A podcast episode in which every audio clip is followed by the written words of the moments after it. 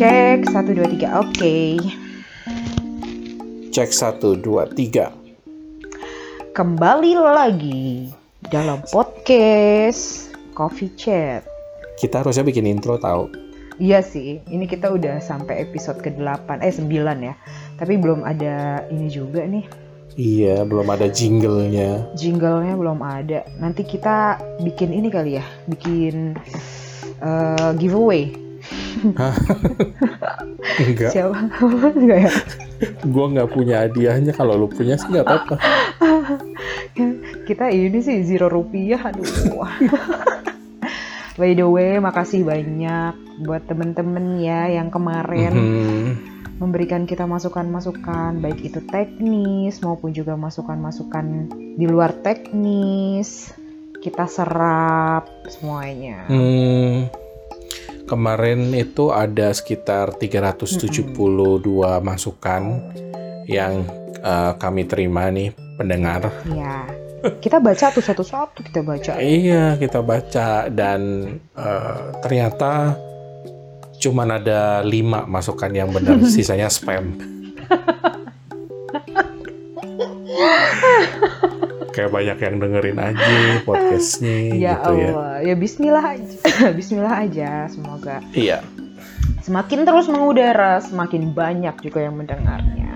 amin. Karena tujuannya adalah bukan untuk jumlah pendengar, tapi tujuannya adalah berbagi, mengel- mengeluarkan keluh kesah yang kita Tertahan. alami. ya yang kita alami. By the way, ini tema yang sekarang nih sebenarnya diambil dari salah satu masukan atau saran ya Mhm. dari salah satu pendengar kita. Agak bingung sebenarnya gue untuk membahas tema ini Bingung kenapa? karena cukup berat. Temanya apa sih kalau boleh tahu?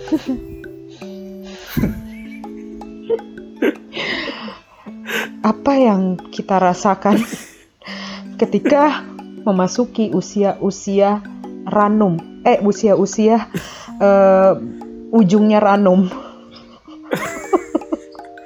Ujungnya Ranum, usia berapa? Eh, memasuki usia-usia yang udah bukan kepala dua lagi. Akan memasuki usia-usia yang kepalanya udah berbeda deh. Ini gue bacain aja ya eh, masukannya ya. Oke, Mbak Eri. Aku mau dengar kalian ngobrol soal kehidupan di umur yang sekarang dong, di penghujung ke kepala tiga dan kepala tiga. Maksudnya eh, di penghujung kepala tiga tuh umur 29 kali ya. M- mungkin maksud dia gitu kali ya. Iya. Terus gimana eh, kalian melihat dan memaknai hidup hidup kalian sekarang di umur yang sekarang di ibu kota dengan latar asal yang berbeda-beda? Apakah berubah? Aku penasaran sama jawaban kalian. Jujur. Jujur. Jujur kalau mau jujur banget sih ya. Gimana? Ah, Tuh jawabannya. Jawabannya yang barusan. Oh, jawabannya helaan napas ya, Gitu ya. yang sangat penuh Yang sangat dalam. makna. Ini harus ada intro lagu-lagu indie nggak, Bar? Lagu-lagunya. Lagu-lagunya eh, siapa tuh? Baskara, Baskara. Siapa lagi Baskara gue gak tahu. Jadi, teman-teman, Ah. untuk memasuki usia-usia seperti gue, Akbar, Hmm.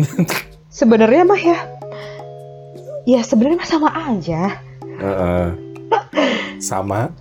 sama kalau gue sih memandangnya tuh sama sama aja nggak ada bedanya sebenarnya sama yang dulu dulu Hmm. cuman mungkin Hmm. sudut pandang kali ya yang jadi bikin berbeda gitu kalau Hmm. dulu tuh anaknya kan zaman SM ya zaman remaja ya remaja tuh Mhm. YOLO banget bo Yoi. you only live once gitu kan Yoi.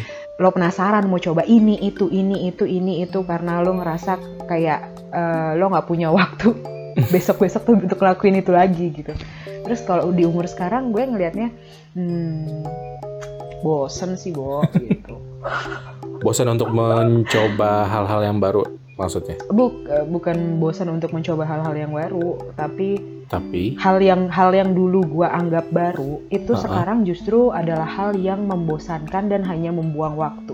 oh hal yang dulu buat lo itu menarik banget gitu. Jadi Iya, sekarang anggapannya membosankan gitu ya. membosankan dan membuang waktu kayak nggak ada faedahnya aja, nggak ada intisari yang bisa diambil gitu loh. Hmm. Lu kan lebih tua dari gua bar. Di- Kata lu, siapa? lu, lu tuh udah melewati masa yang Hmm? lu udah melewati masa sekian tahun lebih dulu daripada gue gitu. Belum. Ah, jangan suka jangan suka sok muda gitu deh. Lebih dewasa deh gue nggak bilang lu lebih tua deh. ya Tuhan, Kalau lebih dewasa bolehlah. Kampret. Nggak nggak mau banget ya eh, dibilang tua padahal ya emang udah tua sih sebenarnya. Mm. Tapi gue setuju sama apa yang lo bilang ketika sekarang udah di usia ini dan melihat hal-hal yang membuat gue tertarik dan membuat gue seneng di usia katakanlah 22, 23 sampai 25 gitu. Hmm. Itu jadi hal yang ya apa poinnya sih gitu. Iya, pointless. Iya, kayak hmm, nggak usah lah kayak gitu-gitu lagi, kayak begadang, nongkrong di luar sampai pagi. Terus eh, selain YOLO ada yang namanya FOMO, Ay, itu ya fears of fear of missing out. missing out ya, FOMO. Itu lagi tren banget tuh omongan FOMO, anak-anak FOMO. Mm-mm. Jadi kayak semua kegiatan sosial dari mulai nongkrong sama teman, konser apa segala macam itu diikutin semuanya Mm-mm. karena eh, ya Nggak mau ketinggalan. ketinggalan. Iya. Mm, Kalau sekarang sih ya yang penting-penting aja lah yang diikutin. Ya kalau mau ke konser ya konser yang emang benar-benar gue suka gitu. Konser Mm-mm. yang emang benar-benar gue eh, ikutin artisnya atau penyanyinya gitu. Iya sih. Gue pun juga, gue juga dulu anaknya ini juga sih ngejar-ngejar konser gitu.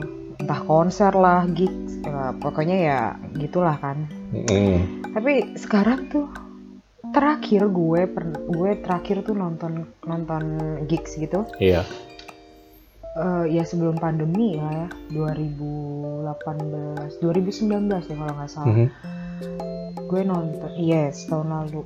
Son Son Nation apa sih? Gue lupa ah namanya. Oh festival. festival musik itu gue senang banget nonton festival musik Iya iya iya. iya. ramah di kantong kan terus Oh, udah iya. gitu banyak tontonannya itu gue datang ke sana dengan teman gue yang umurnya pun sama gitu sama gue Aha. tapi gue kayak nggak merasakan vibes yang sama aja gitu sama dulu padahal band yang gue tonton atau penyanyi yang gue tonton itu adalah penyanyi favorit gue gitu yang ya at least gue tahu lagunya tahu albumnya gitu tapi gue Hmm. ngerasa kayak aduh kayak gue udah tua deh ke sini gitu loh gue merasa ya. jompo gue merasa jompo itu itu kalau ini ya itu kan kalau kita ngomongin yang kebiasaan gitu tapi kalau Mm-mm. sud- sudut pandang Iya. Kalau berbicara sudut pandang itu kan lebih dalam lagi ya Dan lebih berat lagi. lebih berat lagi tapi kalau ditarik garis merahnya tuh eh garis merahnya sih sebenarnya sama-sama mengefisiensikan segala hal gitu. jadi Hmm. kalau kayak hal nongkrong, nonton konser, mungkin gue akan tetap melakukan hal itu, tapi tidak sesering dulu. Jadi mengefisiensikan dalam artian tuh gue merapatkan lagi nih, nge- nge- Hmm. apa ya, ngepresin lagi. Nongkrong yang mana nih yang menurut gue akan jauh lebih bermakna buat gue, atau nonton konser mana nih yang eh, konsernya itu adalah konser yang bener-bener jarang banget. Bandnya Hmm. itu ada di sini. Kalau bisa ya pun kalau gue mau kejar tuh konser adalah konser band luar gitu. Kalau band Indo ya lu bisa itu bisa kapan aja ada lagi gitu loh konsernya Iya iya. paling iya. kayak gitu tuh kan berarti kayak lu lebih mengefisiensikan lagi kan kayak hal-hal konser festival atau gigs-gigs yang di sembarang di di sembarang waktu itu bisa terjadi nggak gue lakuin lagi pun Hmm. itu juga terjadi di sudut pandang gue gitu loh gue jadi lebih mengefisiensikan lagi walaupun sebenarnya gue anaknya emang anxiety parah ya Mhm. uh, orangnya terlalu memikirkan banyak hal gitu Mhm.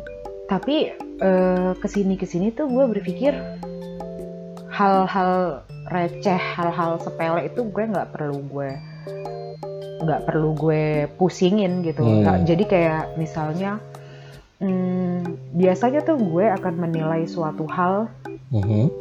itu kan dari berbagai aspek gitu kayak eh ya ibarat 5W1H aja gitu kan Komplit ya. komplit komplit banget dia ininya apa itunya apa ini itu ini itu ini itu Ah. ke sini sini tuh gue lebih ke ya udahlah lebih menggunakan logika untuk mencari ininya aja inti dari hal yang lagi gue lihat atau problem yang lagi gue lihat ya udah. Hmm. logikanya begini udah begini. Kalau dulu tuh enggak kan? Dulu tuh lebih parah lagi gue. Enggak deh kayaknya masih begini deh begini begini. Mhm. susah sih gue menjelaskannya tapi ya itu pada intinya dari sudut pandang atau dari kebiasaan keduanya itu lagi langsung ngepres aja gitu Mhm. Jadi bisa mengeliminasi hal-hal yang harusnya nggak lu pikirin nggak sih? Mm-mm, mm-mm, mm-mm. Hmm, ya ya ya ya ya ya. Kurang lebih sama sih, gue juga kayak gitu. Jadi kalau dulu eh istilahnya apa ya, gue tuh sangat memikirkan apa omongan orang lain gitu. Hmm, Jadi gue kayak eh, ngelakuin hal A, wah ini hal ini nanti dibilang orang keren apa enggak ya? Pendapatnya teman-teman gue kayak gimana ya? Kayak gitu-gitu loh.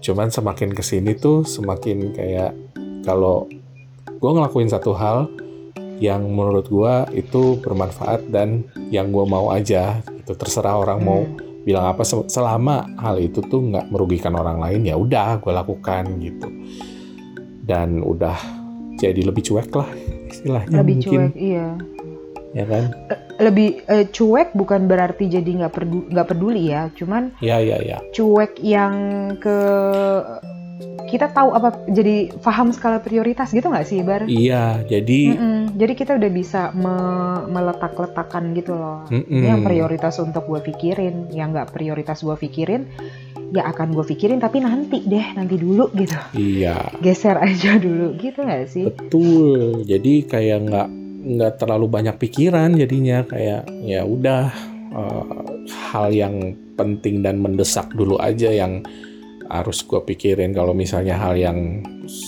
penting tapi tidak mendesak ya ntar ntar aja gitu. Ntar-ntar aja bener, kayak gitu sih. Hidup jauh dari orang tua. Mhm. Sebenarnya nggak jauh-jauh juga sih. Lu Depok tinggal Jakarta, rumah gue Bogor tinggal Jakarta. Sebenarnya nggak jauh. Iya, tapi kan ada jaraknya tetap. tapi tetap kan ada jaraknya gitu kan Sa- setiap hari tuh pasti kita nggak nggak nggak komunikasi tatap muka Iya. uh, 24 hour 7 day sama orang tua Heeh. gitu kan kayaknya kalau kalau menurut gue ya Heeh. uh, kenapa kita jadi bisa memprioritaskan hal-hal itu atau kita mengeliminasi beberapa hal yang nggak penting itu Mhm. karena ya sekarang kita sudah merasa bukan sudah merasa ya kita sudah memasuki fase di mana semua Mhm. hal yang berhubungan sama diri kita sendiri itu adalah tanggung jawab kita sendiri. Betul. Meskipun kayak kita masih bisa komunikasi untuk uh, diskusi gitu sama Mm-mm. orang tua, cuman kan ketika lo jarak jauh pasti ada beberapa hal yang lo mikir kayaknya orang tua gue nggak perlu nggak perlu tahu gitu. Sedangkan kalau lo di rumah setiap hari ketemu sama orang tua lo, otomatis kan orang tua lo akan melihat ada perubahan di diri lo. Ini ketika lo punya masalah ya Mhm. pasti kan dia akan melihat ada perubahan di diri lo sedangkan eh, lu akan berusaha sekuat mungkin untuk menutup-nutupi itu jadinya mau nggak mau entah kebaca dari gerak-gerik lo entah lo yang akhirnya jadi keceplosan itu kan Mhm. eh, apa lu jadi jadi lebih jadi kayak mikir ah gue masih ada orang tua ah gue masih ada orang tua karena ber, berkontak-kontakan berhadapan-hadapan langsung tapi ketika lo udah tinggal sendiri lo masuk ke dalam eh, apa namanya kamar lo ketika lo pulang kantor dengan keadaan yang sebegitu rumitnya Iya. lo mau nggak mau kan harus deal with it Dan deal with it by yourself gitu kan. by yourself iya gitu sih mungkin kita jadi terbiasa ya dengan hal hal-hal itu makanya kita jadi mengeliminasi beberapa hal yang nggak penting untuk bukan nggak penting ya yang bisa kita taruh di deretan paling bawah untuk kita pikirin. Iya. Jadi kalian-kalian tuh yang lagi menghadapi apa? A quarter life crisis. Emang kalian udah yakin banget kalian tuh hidupnya bakal 100 tahun. Makanya kalian bilang di ketika umur 25, 21 sampai 25 itu masuknya a quarter life crisis. Loh, kita kan bisa ini apa namanya berpositif thinking aja umurnya panjang kan tiap ulang tahun di doa ini apa coba doa ini umur panjang. Gimana sih? Umur panjang makin sering lah menuai dosa. iya juga sih. Tapi dulu gue juga ngerasa kalau gue tuh orangnya keras kepala jadi hmm. tidak mudah untuk berkompromi uh, apalagi sama orang tua hmm. terus semakin ke sini um, semakin sadar bahwa usia tuh bukannya semakin bertambah tapi semakin berkurang. Di kita hidup di bumi ini kita hidup di dunia ini gitu dan nggak cuman kita yang tambah tua, orang tua kita juga tambah tua. Jadi uh, selama memang masih bisa dan masih uh, ada kesempatan gitu, ya udah berdamailah dengan orang tua gitu. Kayak sifat-sifat gue yang kayak keras kepala, nggak bisa diatur, mau maunya sendiri. Uh, pulang malam diomelin marah uh, gantian. Malah ngamuk balik. Iya malah ngamuk balik kayak gitu-gitu kayak udah buat tinggalin lah. Dan sekarang semaksimal mungkin mengikuti apa yang jadi aturan mereka gitu. Karena sampai sekarang pun mereka juga udah melonggarkan dan sudah banyak berkompromi sama uh, kemauan. iya kemauan gue gitu. Kayak hmm ya udah banyak hal yang hmm. tadinya bikin mereka marah tapi sekarang kayak ya udahlah emang anaknya mungkin kayak gitu gitu kan. Hmm. sekarang tinggal balikin lu yang harus berkompromi juga dengan keadaan. Hmm, iya benar um, kalau ngomongin masalah memasuki usia 30 gue tuh pernah uh, ada lagunya Lily Allen deh kalau nggak salah. Mm -hmm uh, itu judulnya dua dua twenty two oh. Uh, gue gue lupa nadanya kayak gimana ya tapi maksudnya lupa nada dan lirik pastinya tapi inti dari gue juga nggak minta lo nyanyiin oh enggak enggak ya gue juga ya gue lupa. Ini bukan wishing atau semacamnya. Gue maaf maaf. Tapi lagunya soal apa emang? Jadi lagunya itu soal kekhawatiran. Mm -hmm kekhawatiran yang dihadapi oleh seorang perempuan ketika dia memasuki 22. Ntar gue googling juga. Jadi ketika dia memasuki umur 22 itu dia mengalami kebingungan karena uh, dia harus melepas masa remaja atau masa belianya di mana dia YOLO tadi hmm. tapi dia khawatir untuk memasuki usia yang menuju ke 30 tahun sedangkan dia belum memiliki karir yang ajak gitu hmm. dia belum memiliki pasangan actually uh, gue pun juga sebenarnya jujur gue pun merasakan hal itu gitu hmm. tapi nggak di umur 22 sih jadi ketika umur 22 tuh gue ngerasa diri gue diri gue adalah uh, gue memasuki fase yang ranum gitu. fase se-fresh freshnya diri gue itu adalah di umur 22 nggak nggak tahu kenapa karena memang sugesti dari angka atau kayak gimana ya angka kembar 22 itu. Tapi ketika masuki umur 22 gue itu senengnya seneng banget. Oh ya? Karena yes gue udah 22 tahun men. Gue seneng ketika gue memasuki umur 22 karena gue merasa gue itu mud, uh, belum tua tapi pun juga nggak muda-muda banget. Maksudnya nggak yeah. bocah-bocah banget gitu. Bukan itu adalah kecil um, gitu ya. Mm -mm, itu adalah umur yang pas lah gitu menurut gue. Ketika masuk ke umur 23 gue masih ah sans lah dari 22 ke 23 itu cuma beda setahun. 24 hmm, mulai stres.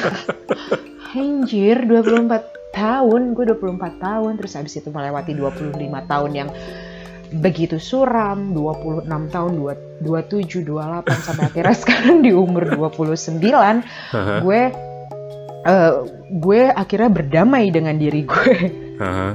Berdamai dengan uh, berda- pun masih masih belajar sih masih belajar berdamai dengan diri gue untuk tidak mengkhawatirkan banyak hal yang akan terjadi ke depan. Hmm. gitu. Jadi kalau misalnya tadi si uh, pendengar kita itu dia gimana sih rasanya menghadapi umur-umur segini menjelang 30 Mhm. kalau gue honestly gue itu anxiety parahnya itu ketika umur dua, dari 24 sampai ke 27 Oh, Oke. Dua, 28 gue udah mulai yang enjoy karena di, di umur gue 28 itu berarti di 2019 ya Mhm. gue mendapatkan pencapaian yang cukup bagus menurut gue Hmm, gitu. hmm. Ada beberapa hal yang di list gue tuh sudah terpenuhi satu persatu gitu. Oke. Itu pun dengan dengan apa kesabaran dan effort yang cukup baik gitu. Hmm. Lalu kemudian di umur 28 pun nggak tahu ya lagi dan lagi apakah ini sugesti atau kayak gimana karena gue suka angka 2 dan 8 8 itu kan ibaratkan infinity bo gitu kan? Nggak ada. Iya, jadi Nggak putus nggak ya. putus gitu. Dan di umur 28 itu gue bener-bener joy. Gue I feel joy in my life itu di 28 Hmm. dan ketika gue sekarang memasuki 29 gue tidak lagi tidak lagi mau mundur. Iya mau mundur seperti fase-fase sebelumnya Hmm. jadi ibarat kata gue me- menganggap umur 28 gue itu joy-nya hampir sama ketika gue umur 22 Hmm. Tadinya tuh gue khawatir apakah nanti gue di umur 29 gue akan merasakan joy yang lebih tinggi atau bahkan malah lebih jatuh lagi lagi di jalan-jalan kayak di umur gue 24 atau 25 kemarin. Tapi lama-kelamaan gue mikirnya gini, ya ngapain gue udah pernah ngelewatin fase itu dan itu nggak enak. Jadi sekarang gue lebih oke, I'm deal with it. Gue berdamai dengan apa yang gue dapati sekarang Mhm. kurangi kekhawatiran gitu. Jadi udah enjoy your life aja. Tapi itu prosesnya nggak nggak cepet kan ya pastinya ya. Enggak.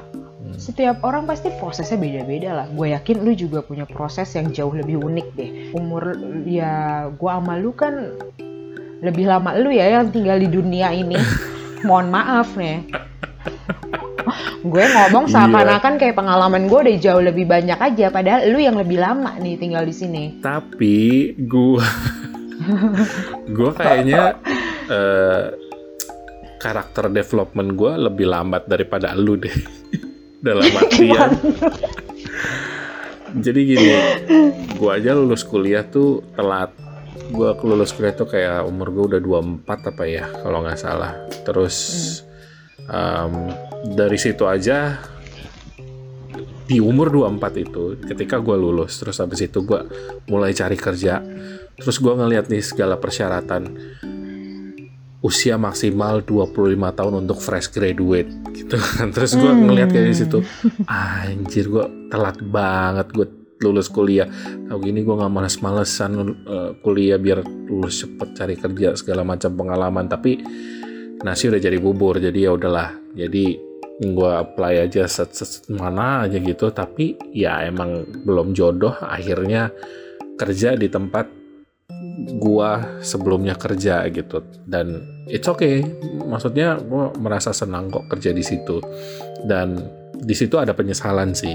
Eh, telah membuang-buang waktu. Tapi gua kayak nggak punya masalah atau nggak punya kecemasan kayak lu gitu. Gimana umur gua nanti kalau misalnya 30 karena ketika gua beranjak dari 29 ke 30 tuh kayak ya udah kayak ulang tahun biasa aja gitu.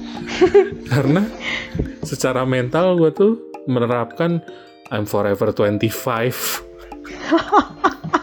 jadi kayak nggak nggak penting-penting amat Big 30 ini gitu. Sampai pada akhirnya gua berulang tahun yang ke 31 di situ gua wow gua udah kepala tiga dan gua nggak bisa mundur lagi.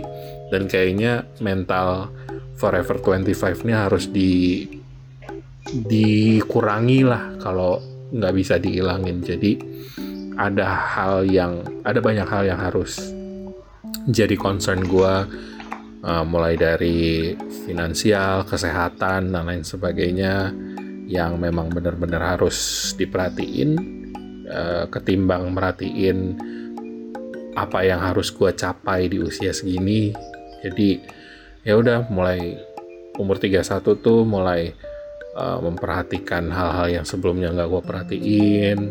Terus ya turning pointnya sih di situ kali ya.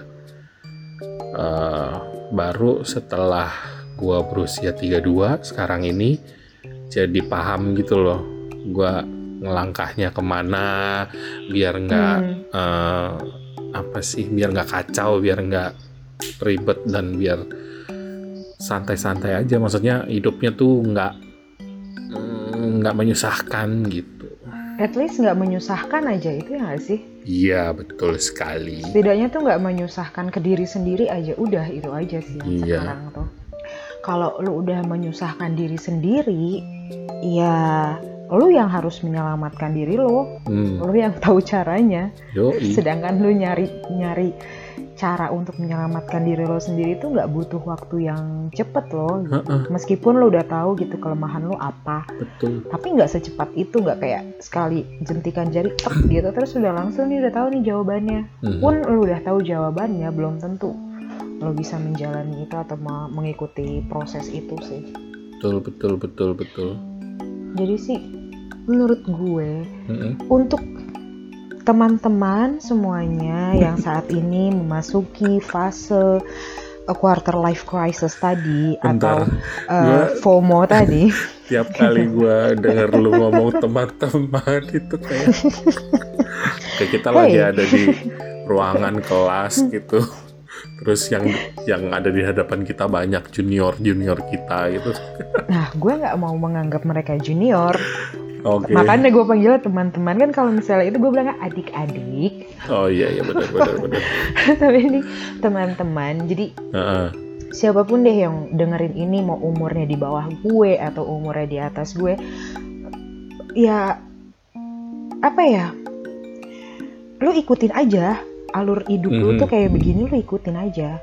Iya. Yeah. Intinya mah nggak usah takut lu bikin salah karena lu Betul. sampai sampai tua pun lo akan menemukan hal-hal baru di dalam hidup lo yang meskipun kayak gini deh contohnya kayak uh, gue melewat eh, Akbar melewati hal-hal baru di usia dia 28 tahun.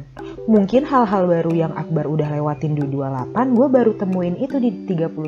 Begitupun ke orang-orang lain gitu. Jadi Oh iya iya iya. Iya kan, pengalaman atau iya. fase-fase fase-fase kehidupan itu pasti ada pasti ada ininya hmm. ada masaknya di diri lo di diri gue di diri Akbar itu pasti ada terus gimana caranya supaya lo tuh nggak khawatir atau apa ya khawatir nggak apa-apa. Mm-hmm. lo khawatir nggak apa-apa. Lo ekspresiin aja diri lo lo marah ketika lo dapet masalah itu lo luapin. Lo sedih lo luapin. Lo kesel lo luapin. Tapi ya udah jadi ini tuh pelajaran aja. Ketika mm. lo nextnya lo hidup mm-hmm. lo bisa bisa lebih bijak sih untuk uh, apa memilah jalan lu tuh maunya ke mana gitu mm-hmm. jujur aja sih gue nggak so nggak so worry ketika umur umur sebelumnya ya iya yeah.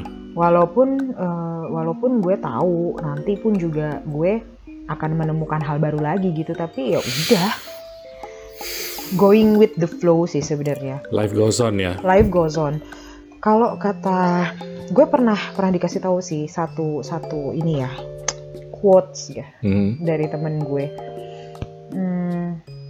intinya tuh lu kayak ikan uh, apa namanya tuh kalau ikutin alurnya aja gitu. Hmm. tapi pun ikutin alurnya lu juga jangan kayak ikan mati. Oh iya iya iya iya. Ya kan? Lu ikan mati ya lu akan ikutin terus alurnya. Ya itu air masuk terjun lu udah mati lu keterjun pula yeah, gitu yeah, yeah, yeah. hancur lah kan tuh badan.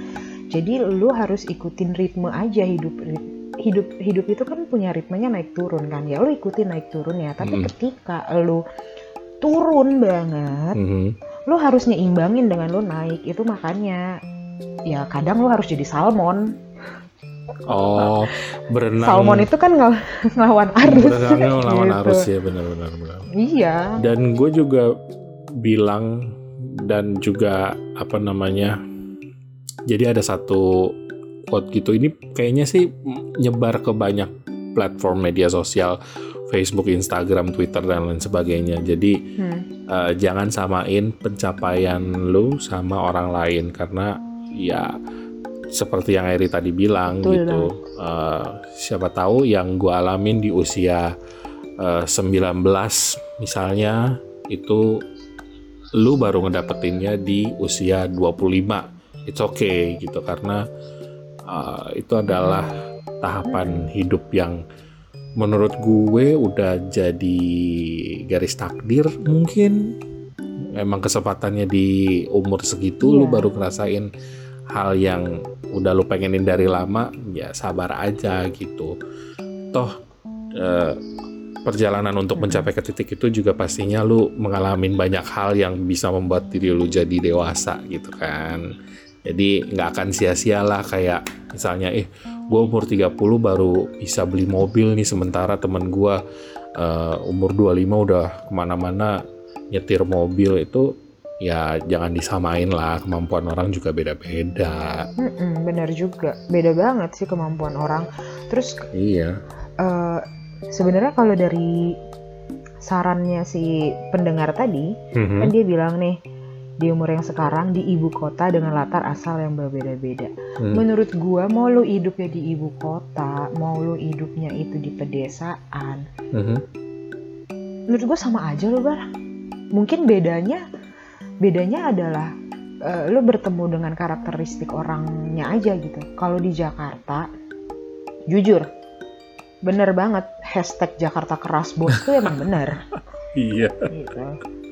Itu bener, Jakarta keras bos itu bener. itu udah terbukti berkali-kali ya Udah ber- terbukti berkali-kali. Tapi jangan sedih di pedesaan ataupun di luar dari ibu kota itu juga sama kerasnya. Hmm. Sama-sama keras gitu, sama-sama level level keras itu sama-sama grade A lah gitu. Cuman ya cabangnya aja beda-beda. Kalau misalnya di Jakarta, Jakarta Jakarta keras bos ya mungkin eh, karena lo saingannya banyak gitu kan. Mm-mm. Untuk apa namanya? Untuk eh, nyari duit gitu umpamanya. Itu lo saingannya berat. ya gaji nggak seberapa karena lo harus dibagi sekian ribu karyawan gitu. Tapi gue yakin di daerah pun juga kayak gitu. Umpamanya deh lo jadi petani, petani juga keras bos. iya nggak sih? Hmm, iya iya iya iya. Dia harus bekerja pekerjaannya jauh juga lebih keras gitu. Mungkin kalau di ibu kota banyak yang menggunakan eh, ini ya otak untuk mereka bekerja gitu. Tapi bukan Hmm. berarti yang di desa tuh nggak menggunakan otak ya. Tapi ini kayak lebih mayoritas tuh otak yang digunain gitu kan. Karena lo harus berkomunikasi dengan komputer, lo harus Mm-mm. menggunakan segala hal gitu. Mhm. Mungkin di pedesaan nggak akan menggunakan komputer, tapi alat-alat yang mereka gunakan tuh kan juga alat-alat keras. Fisik mereka pun juga digejot abis-abisan di situ kan Mhm. sama kerasnya gitu loh. Jadi menurut gua nggak ada bedanya deh. Hmm. Cuman ya untuk eh, teman-teman yang dari daerah terus ke Jakarta menemukan Jakarta sebegini kerasnya, Mhm. ya mungkin akan menganggap keras kali ya. Tapi itu cuma the matter of kebiasaan nggak?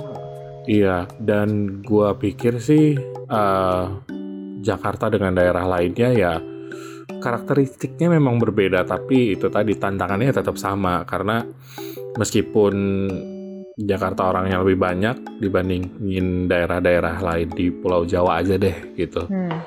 Tapi kan eh, tetap aja yang namanya bersaing itu ya siapa yang paling kuat dia yang bisa bertahan gitu. Itu udah hukum alam banget sih cuy. Wow, kita obrolannya Berat juga. Faedahnya tinggi banget ini. Terima kasih loh untuk yang ngasih ide topik pembicaraan kali ini. Tapi for honestly ya, gue sebenarnya pun kalau sama lu ya Bar, Heeh. kalau kita ngopi, benar-benar ngopi nih, Mhm.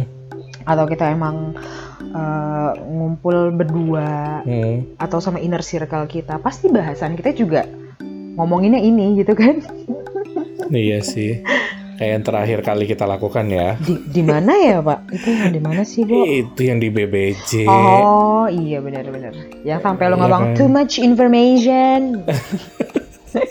Yang gua kehujanan. Tapi gitu deh teman-teman bener deh. Masalah itu pasti ada aja. Tapi kan bukan bukan berarti lu harus ngarepin itu sendirian. Maksudnya Mm-mm. ada teman-teman yang bisa nemenin lu untuk menghadapi masalah, mendewasakan diri. Jadi jangan tertutup orangnya ya. Kalau ada masalah cerita-cerita. Eh tapi boleh nggak sih gue cerita sedikit? Boleh boleh. Jadi itu sebenarnya kalau misalnya dipikir-pikir ya soal cerita, gue nggak tahu kenapa. Gue itu dulu anaknya sangat talkative, talkative ya, talkative ketika gue punya problem, Huh? entah itu di kerja, eh bukan kerjaan ya, dulu tuh masih sekolah lah, sekolah kuliah gitu, atau gue punya problem di rumah, atau sama eh, pacar atau sama temen, itu gue pasti akan cerita gitu. Gue orangnya yang akan terbuka itu gitu Mm-mm. dan lu tahu gue ya bar gue nggak bisa ngontrol mulut gue ya ketika gue nggak suka gue akan bilang gue suka nih, nih, nih, nih, nih." tapi Terus? and then I learn too much for all of all uh, all things that I've done. Aha. sekarang tuh gue jadi jauh lebih uh, itu kali ya mengeliminasi tadi. Jadi ada beberapa hal yang kayaknya gue harus selesaikan sendiri. Mhm. ketika gue sudah siap untuk uh, menyampaikan hal ini ke orang lain atau setidaknya ketika gue sudah siap untuk menerima menerima masukan dari orang lain baru gue akan cerita. Ini beda banget ketika ini jauh banget bedanya sama zaman gue remaja dulu deh Hmm. gue tuh remaja dulu punya masalah dikit aja kayak yang eh anjir banget lah gue nyanyi nyanyi nyanyi kayak gitu ah.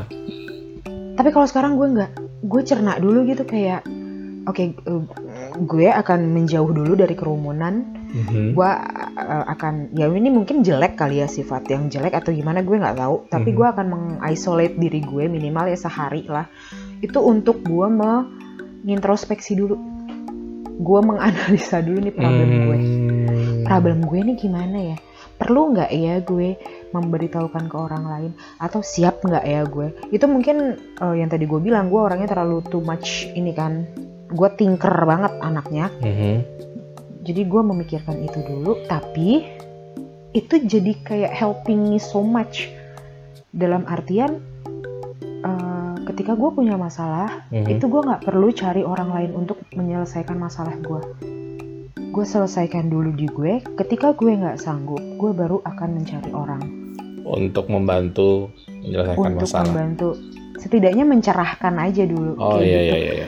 ini nih yang gue gue gue mencoba mencoba untuk mengingat-ingat lagi oh ternyata ini yang yang benar-benar berubah di pola pikir gue tuh itu jadi itu jadi Hmm. Kayak gini deh kemarin yang kita ngadepin 2020 awal itu. Aha. wow there's too much information in my head gitu. Gue udah mencoba untuk positif positif positif positif. Ternyata yang gue sampaikan positif atau apa positif untuk diri gue atau orang lain Mhm. itu adalah toxic positivity. Itu gue sadar ketika gue sudah mengisolate diri gue setidaknya tiga hari gue tiga hari gue nggak komunikasi sama orang ketika gue udah nerima banyak informasi informasi informasi itu Mhm. gue tiga hari gue diem gue ngerenung ngerenungnya tuh bukan sedih tapi gue lebih memikirkan ini masalah-masalah orang begini begini begini begini masalah gue begini gini gini kan orang punya masalah gue juga punya masalah ini ini, ini. Ap- tapi abis eh, setelah itu gue plong aja Hmm. karena gue udah merunut gitu loh gue Hmm. runut nih masalahnya kayak yang tadi kita bilang Eh, gue me- me- apa memberikan skala skala skala nih oh ini ini Ya ini. skala prioritasnya ya. Uh-uh. Ya itu bener-bener itu learning by doing sih menurut gue ya. Dan menurut gue itu satu hal yang bagus. Kayak tadi pas lu bilang gue akan menarik diri dulu se- sejenak. Itu kayak ya emang eh, itu cara mungkin menurut gue itu mekanisme dari dalam diri lo sendiri untuk menyelesaikan satu masalah nggak sih? Jadi kayak bentar ah gue tarik diri dulu diri gue sendiri dulu gue gue butuh waktu buat mikir baru abis itu gue akan memutuskan apakah masalah ini perlu gue share ke teman gue atau enggak karena ya itu tadi eh, apa namanya ya menurut gue temen lu juga pasti punya masalahnya sendiri Punya gitu kan problem. Nah, Iya. jadi nggak perlu semuanya dicurhatin, Tuang. dituangin, dimuntahin ke temen lu gitu selama lu masih bisa ngehandle sendiri, kenapa enggak baru setelah lu ngerasa kayak aduh ini kayaknya terlalu besar gua untuk gua handle sendiri baru lu nyari pencerahan itu tadi Mm-mm. gitu bagus juga itu Lu gitu nggak sih, Bar? Atau ini hanya terjadi di diri gue aja ya? gue kayaknya kurang lebih sama sih Rai Eh, berusaha untuk mikir dulu ini yang salah di mananya ya terus bisa diapain ya masalah ini. Kalau emang nggak nemu jalan keluarnya baru gue minta pertolongan atau minta pendapat dari temen atau dari orang lain gitu. Tapi selama masih bisa gue handle sendiri sih ya gue handle sendiri aja. Kalau misalnya cerita ke temen ya cerita sebagai pengalaman aja oh ya gue pernah kayak gitu tuh gini gini gini gini gini Karena terkadang kalau kita sudah bisa melewati hal itu sendiri, Mhm. sampai akhirnya kita siap untuk me- apa men- men-share itu ke orang lain atau membagi ke orang lain, itu tuh lu ada ada apa ya? Kalau gue sendiri sih itu ada kebanggaan, Hmm. bangga untuk diri sendiri, bangga kepada diri sendiri gitu. Oh ternyata gue sudah bisa sudah bisa melewati itu sendiri ya. Jadi sebenarnya setiap manusia itu punya power yang luar biasa gede loh untuk menguatkan dirinya dia sendiri sebelum akhirnya Mhm. dia mencari apa insight dari orang lain dia ini dari orang lain gitu loh Tuhan tuh maha maha dahsyat sih J- jadi itu ya teman-teman jadi eh, bagaimana kita eh, menghadapi kehidupan kita di umur yang sudah di penghujung kepala tiga dan sudah kepala tiga Iya. terus bagaimana kita memaknai hidup Mhm. sebenarnya ya memaknai hidup ya udah itu tadi ikutin aja ritme kehidupan Iya. Jangan terlalu apa ya terpengaruh sama pencapaian dari orang lain. ya Terus apalagi gak usah sih? ngoyo lah Oh iya, istilahnya santai aja tapi ya Mm-mm. harus tahu diri. goals eh, fokus sama goal sendiri aja Mm-mm. jangan samain goal sama orang lain Dan upayakan menyelesaikan masalah sendiri terlebih dahulu sebelum memuntahkannya ke orang lain. ya yang paling penting itu kalau kata eh, psikolog ya Siapa psikolognya? bentar saya cari namanya Jimmy Jimmy Jimmy Jimmy Jimmy. ya Jamie Ardian dia ini salah satu psikolog nih Jamie Ardian Oh, gue kira lu ngarang. bukan gila psiki- psikiater lagi dia Oh, psikiatris oke. jadi kalau menurut eh, si Jimmy Ardian itu tuh kan gue jadi lupa Mm-mm. pengen ngomong apa anjir gue sering skip kayak gini ya sebel banget oke Udah ingat. jadi kalau katanya si Jimmy itu Iya. Apa ya Iya. apa?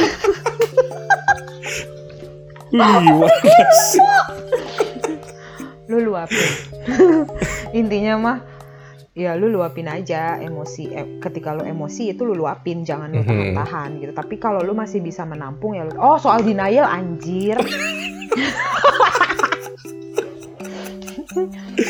Kok jauh? jangan ya ini, ter- ini ini ada hubungannya sama emosional. Oh iya. jadi jangan denial dengan apa pun. Sorry batuk.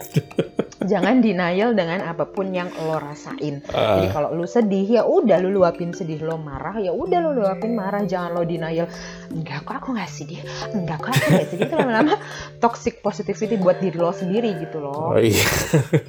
itu maksud gue bar. Jadi jangan denial ketika lo sudah memikirkan masalah lo sendiri dan lo Mhm. nggak bisa nampung lo Mhm. butuh pertolongan orang lain Hmm, please jangan denial iya. Karena kalau ditahan-tahan nanti meledak. iya yang ada lo depresi Iya. Iya, amit-amit. depresi itu nggak enak banget cuy Iya, pastinya. Merasa depresi itu kan lo nggak bisa ngerasain emosi apa pun lo mau nangis lo nggak bisa lo mau ketawa lo nggak bisa udah mau make apa namanya eh, bantuan nonton film dengerin lagu dan lo nggak ngerasain emosi apa-apa tapi lo masih merasakan ma- ma- masih ganjil masih ada masalah wah itu nggak enak banget cuy depresi itu bukannya sedih yang berlebihan gitu ya. sedih yang berlebihan tapi sampai lo nggak bisa meluapkannya Hmm. Jadi kalau kata si dokter Jimmy ini, eh, bedanya depresi sama orang sedih. Kalau sedih tuh lo nangis, lo ada emosinya. Tapi kalau lo udah depresi, lo tuh nggak nggak bisa nangis. Hmm, Lo tuh udah nggak bisa nangis. iya iya iya. Tapi lo sedih, tapi lo nggak bisa nangis. Itu lebih lebih deep lagi sih menurut. Kayak ada yang kosong gitu ya di hati. Mm-mm. Kok lu langsung rendah nadanya? Enggak, gue mikir. Karena kan contoh-contoh eh, depresi itu kan yang kita tahu emang kayak gitu, nggak nggak kelihatan kan, Hmm. kayak Nggak kelihatan. kayak Chester Bennington gitu tahu-tahu dia bunuh diri karena depresi. Hmm. Padahal sebelumnya si eh, sang istri gitu sempat ngupload video saat-saat terakhir si Chester yang dia tuh ketawa-ketawa sama anak-anaknya gitu dan apa namanya kayak nggak ada apa-apa dan gue baru mikir baru baru ngeh gitu oh iya ya ternyata emang nggak kelihatan tuh karena emang nggak bisa meluapkan kesedihannya gitu ya Iya, jadi dia terlalu banyak memanipulasi dirinya dia sampai akhirnya dia nggak tahu ekspresi apa yang mau dia keluarin ketika lo udah bener-bener depresi. And that's so sad, man. Itu makanya tadi hmm, lo udah masalah, udah hadepin aja. Hadepin, tapi jangan kayak ikan mati gitu. ya Lo boleh nih ikutin ritmenya, ritme hidup lo nih, aduh turun turun deh, turun turun turun turun. Mhm. Tapi ketika lu udah tahu lu udah going down, udah makin deep down gitu, ya lu harus angkat diri lo lagi. No one can help you. Uh, no one can help you but yourself except yourself. Ha Cuma diri lo sendiri. Ih, Bar, gua sama lu ngomong kayak begini anjir kayak kita belakangnya itu sarjana psikologi aja. Loh. Wah, wah, ini kan mengutip dokter J Jamie Iya, itu bener deh. Buat kalian-kalian, ya gunain media sosial sebaik mungkin dan sebijak mungkin. tuh Tuh. Kalau emang mau follow, follow lah yang bermanfaat kayak follow psikolog gitu misalnya, Mm. atau ngefollow dokter-dokter yang untuk kesehatan gitu loh. Jangan lu ngefollownya yang receh-receh. Mohon maaf nih, bo- boleh sih gitu. Sekali dua kali atau satu dua akun boleh aja buat lo selingan-selingan. Tapi iya bukan itu yang difokusin, Bo. karena kita butuh aura atau energi positif juga yang akan membantu kita melewati kehidupan ini ya. Mm-mm. Kayak Mbak Eri nih follow-nya udah ini akun-akun meditasi sekarang. Uh, nanti nanti gue pengen deh sekali-sekali nge-share hasil meditasi gue. Tapi kayaknya itu di next topic deh. Gue dan gue harus nantang Akbar juga untuk melakukan meditasi. Ah, meditasi. Gue baca buku aja kurang konsentrasi apalagi suruh Justru- meditasi. Justru itu sebelum lu fokus dengan hal-hal yang lebih apa kompleks, lu fokus dengan hal yang simple. Meditasi itu simple, lu hanya mem- me- apa menanamkan afirmasi satu kalimat satu sampai dua kalimat aja. That's it, sumpah. Ya ya itu obrolannya dilanjutin di next topic aja ya. Iya, tapi gua harus nantang lo dulu untuk meditasi. Aduh. ya Dan- ntar deh. Yang dengerin ini, gue sih yang denger dengerin ini ya teman-teman semuanya. Kalau memang punya pengalaman sudah melakukan meditasi itu more than a month, itu Mhm. boleh boleh banget sih colek gue atau Akbar untuk memberikan masukan-masukan lain ya. Masukan lain tuh maksudnya dalam artian mereka ngerasain apa nih setelah udah ngelakuin meditasi gitu loh. Hmm, Begitu ya teman-teman jadi ya ya yang para pendengar semuanya yang sudah eh, mengambil hikmah dari apa yang kita bicarakan selama 50 menit ini aha. semoga bisa bermanfaat untuk kalian menghadapi umur umur-umur menjelang 30 atau melewati umur 30 ya. betul. Kamu pasti bisa untuk melewati segala percobaan dalam hidupmu, biar kamu makin dewasa dan juga makin apa ya siap untuk ke depannya lah. Iya, face the world. Ini emang berat, ini emang berat, Mm-mm. tapi emang lewat emang harus dilewatin. Iya betul. Itu aja logikanya. Lu mau ngindar ngapain coy? nggak ada jalan lain kecuali eh, hajar terus gitu. ya Face kan? it, deal with it. Oke, ketemu lagi di episode mendatang ya. Bye bye, terima kasih. Thank you, bye bye.